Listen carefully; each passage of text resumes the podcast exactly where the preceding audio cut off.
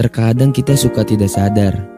Doa yang sering kita panjatkan setiap kali sujud di antara azan dan iqomah juga di sepertiga malam ternyata telah dikabulkan. Rasa syukur pun dilupakan. Kita sering kali jadi amnesia bahwasanya Allah Maha mendengar. Padahal selai daun yang jatuh, apa pun yang terjadi di lautan terdalam, segala sesuatu yang ada di langit maupun bumi adalah kehendak Sang Maha Perkasa.